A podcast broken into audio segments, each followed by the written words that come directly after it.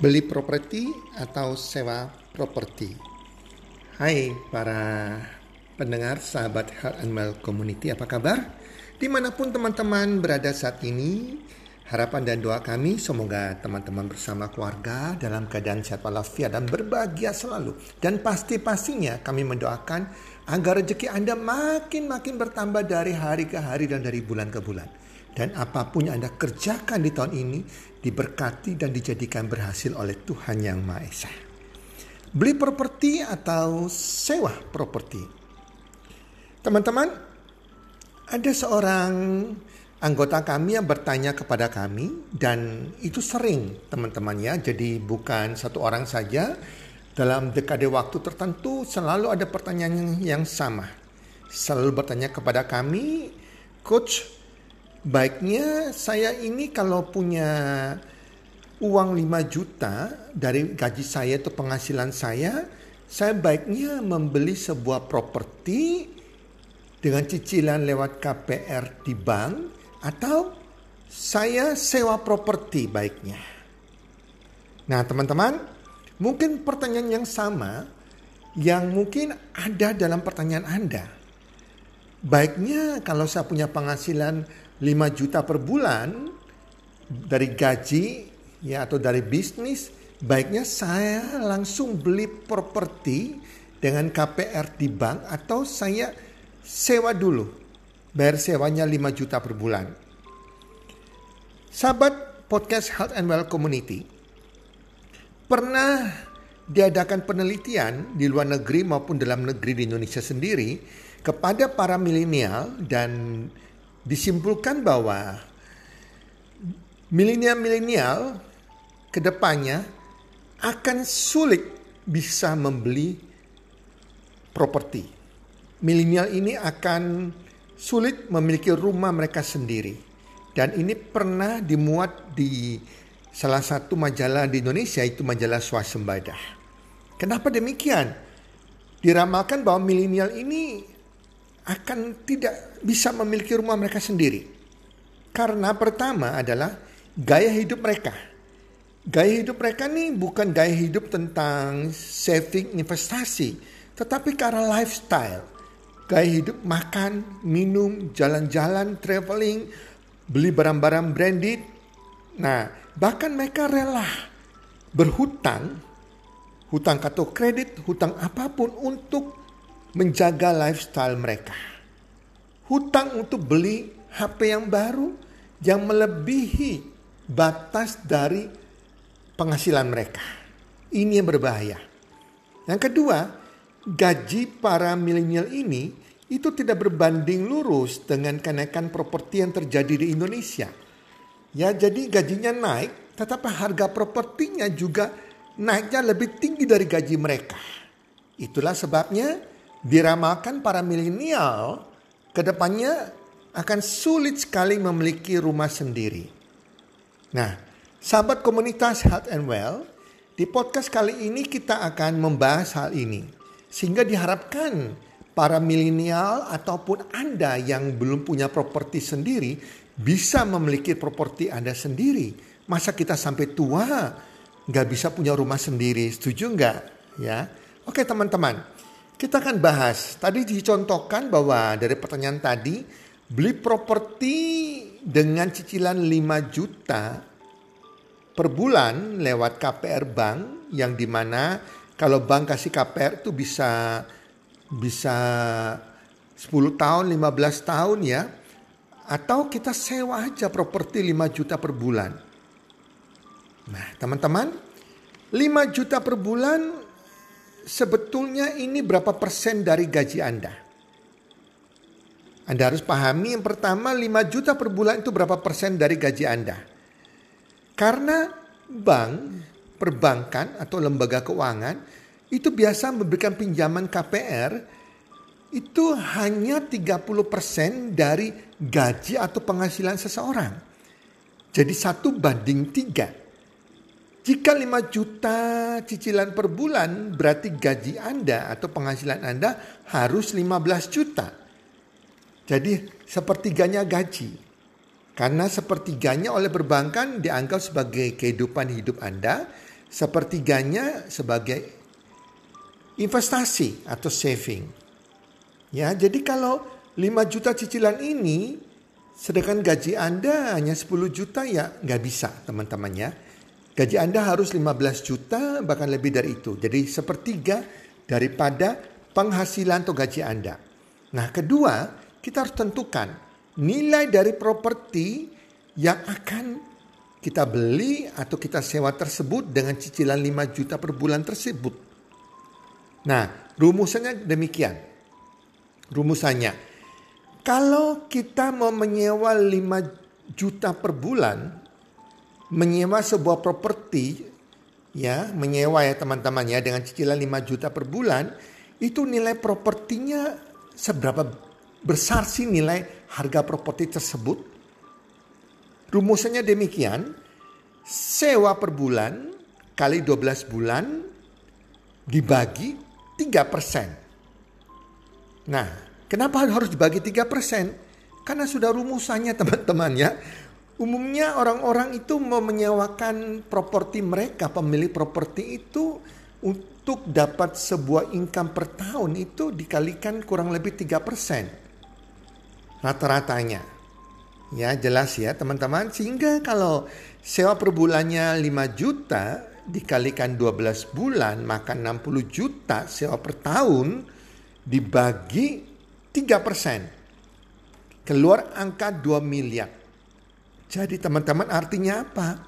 Dengan cicilan 5 juta per bulan Anda sudah mendapatkan sebuah properti ya yang Anda sewa senilai 2 miliar nilai properti tersebut dan ini termasuk properti yang cukup bagus, cukup mewah.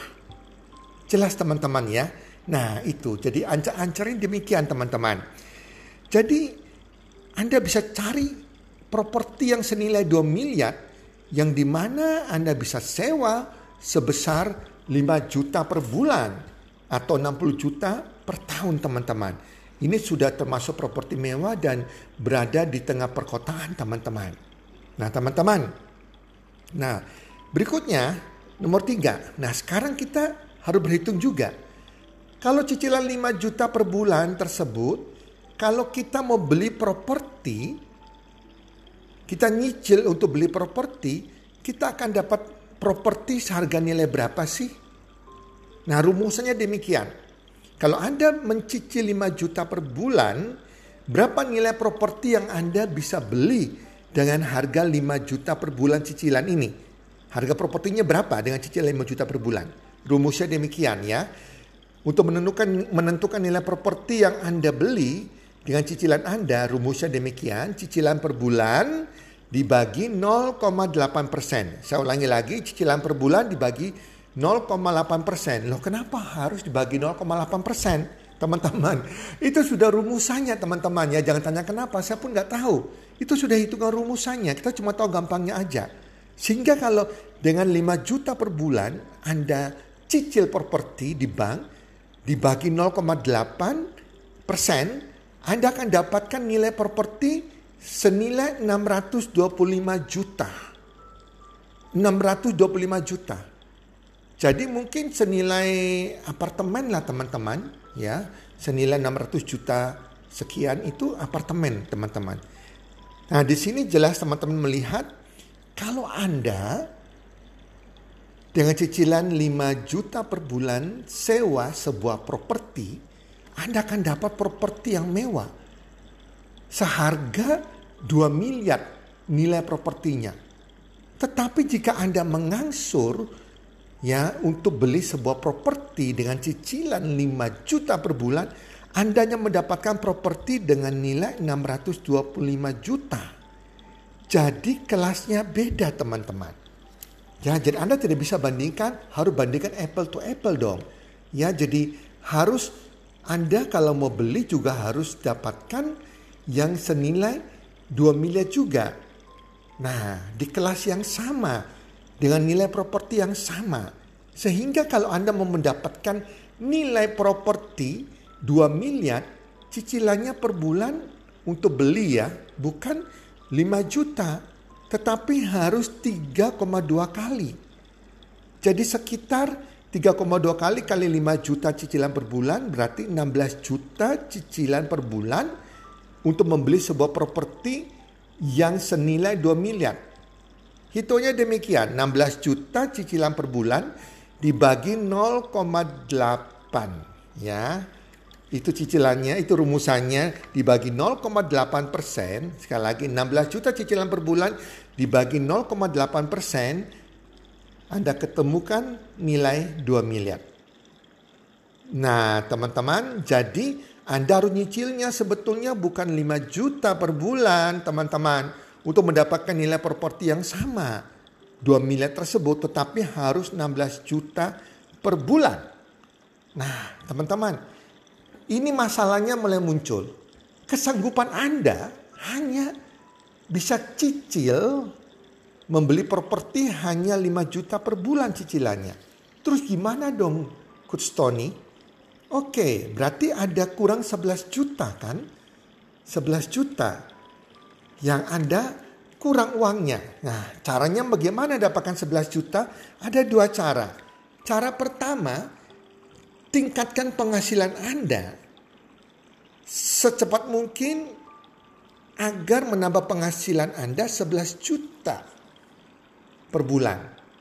Anda mulai mencari peluang-peluang bisnis yang bisa dikerjakan di luar jam kerja Anda yang bisa memberikan percepatan kenaikan income. Cari peluang bisnis yang bisa memberikan kelipatan penghasilan sehingga secepat mungkin Anda bisa mendapatkan 11 juta tambahan penghasilan per bulan dari peluang bisnis ya, pekerjaan apa pun yang Anda bisa kerjakan di luar jam kerja Anda. Yang jelas usahakan jangan ada resiko keuangan. Cari peluang bisnis yang tanpa modal banyak kok teman-teman. Saya sudah pernah bahas di podcast kayak podcast saya sebelumnya teman-teman. Atau cara kedua, Anda sewa properti. Anda sewa properti senilai 2 miliar tersebut dengan cicilan yang Anda sanggup 5 juta per bulan bayar sewanya Cari properti yang dua lantai. Lantai pertama itu untuk Anda tinggal. Lantai kedua cari properti yang berisi tiga, yang punya tiga kamar. Dan lantai kedua ini Anda bisa sewakan. Atau Anda karyakan. Atau Anda uh, kerjakan. Agar properti ini bukan menjadi beban atau liability, menjadi aset yang berikan penghasilan kepada Anda. Anda kos-kosan, koskan lantai keduanya itu. Sehingga bisa memberikan penghasilan 11 juta tambahan bagi Anda. Atau yang mungkin Anda pikir ya gak usah lah, penting apartemen oke okay lah, gak apa-apa. Ya Anda bisa cari properti yang sesuai dengan cicilan kesanggupan Anda 5 juta per bulan yaitu sebesar 625 juta. Anda start dengan membeli properti jelas ya. Nah, tetapi yang perlu diperhatikan, jangan langsung beli propertinya.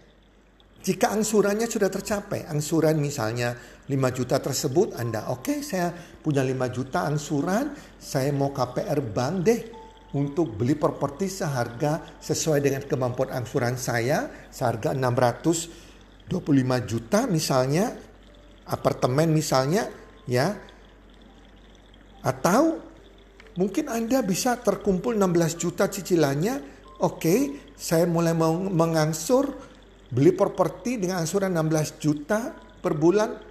Teman-teman ingat, jangan langsung beli propertinya.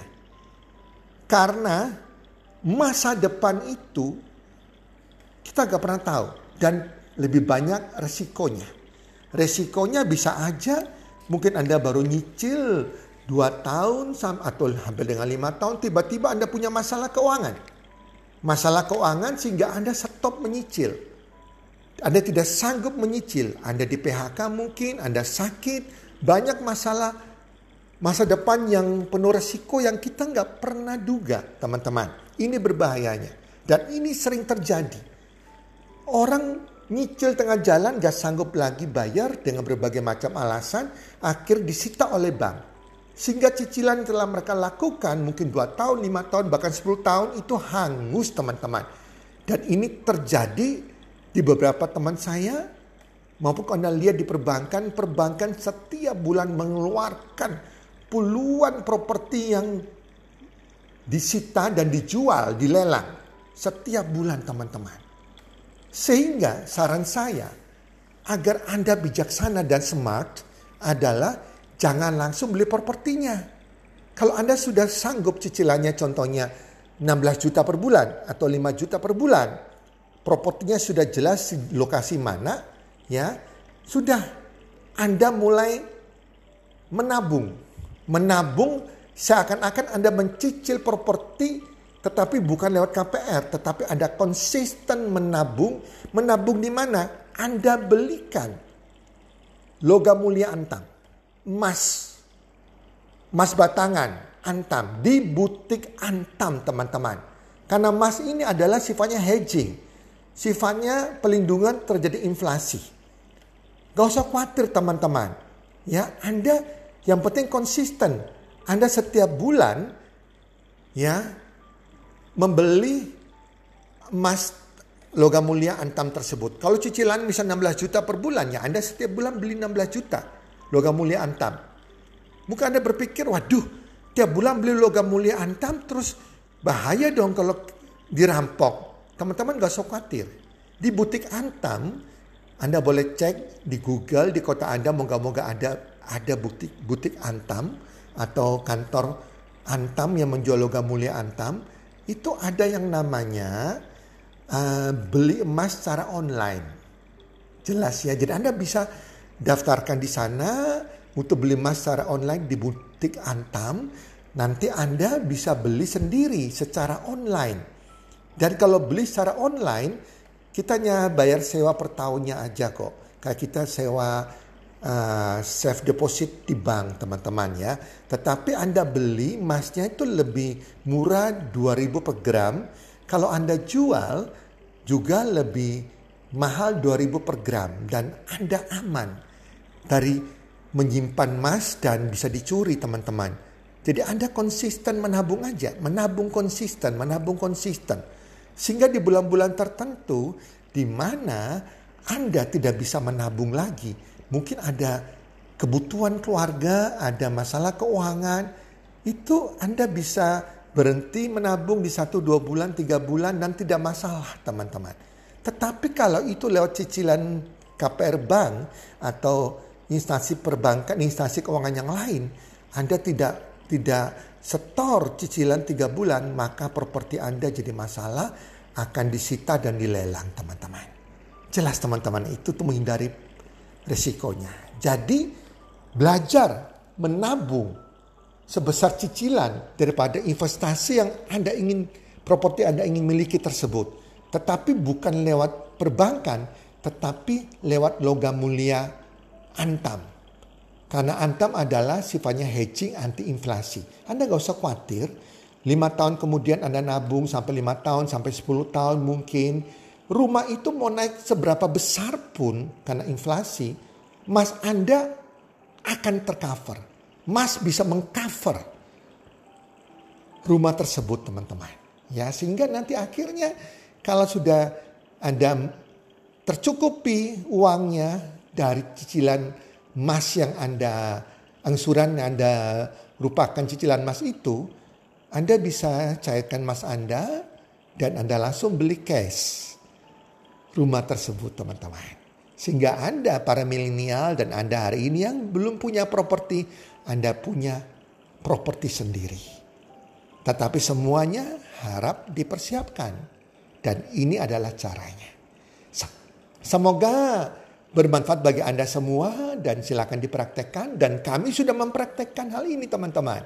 Dulu rumah kami di Villa Kalijudan Indah itu seluas 600 meter persegi. Lantai satu kami tempati sendiri. Lantai kedua kami kos-kosan teman-teman. Sehingga kami karyakan. Jadi rumah itu tidak menjadi sebuah liability atau beban tapi rumah menjadi aset karena memberikan penghasilan kepada kami. Dan lumayan uang kos-kosan ini ya di atas ada sekitar empat kamar kita bisa uang kos-kosannya kita bisa buat untuk beli logam mulia antam atau dan kita bisa buat cicilan ya cicilan portfolio aset yang lain. Oke teman-teman, semoga bermanfaat dan salam sukses. One, two, three.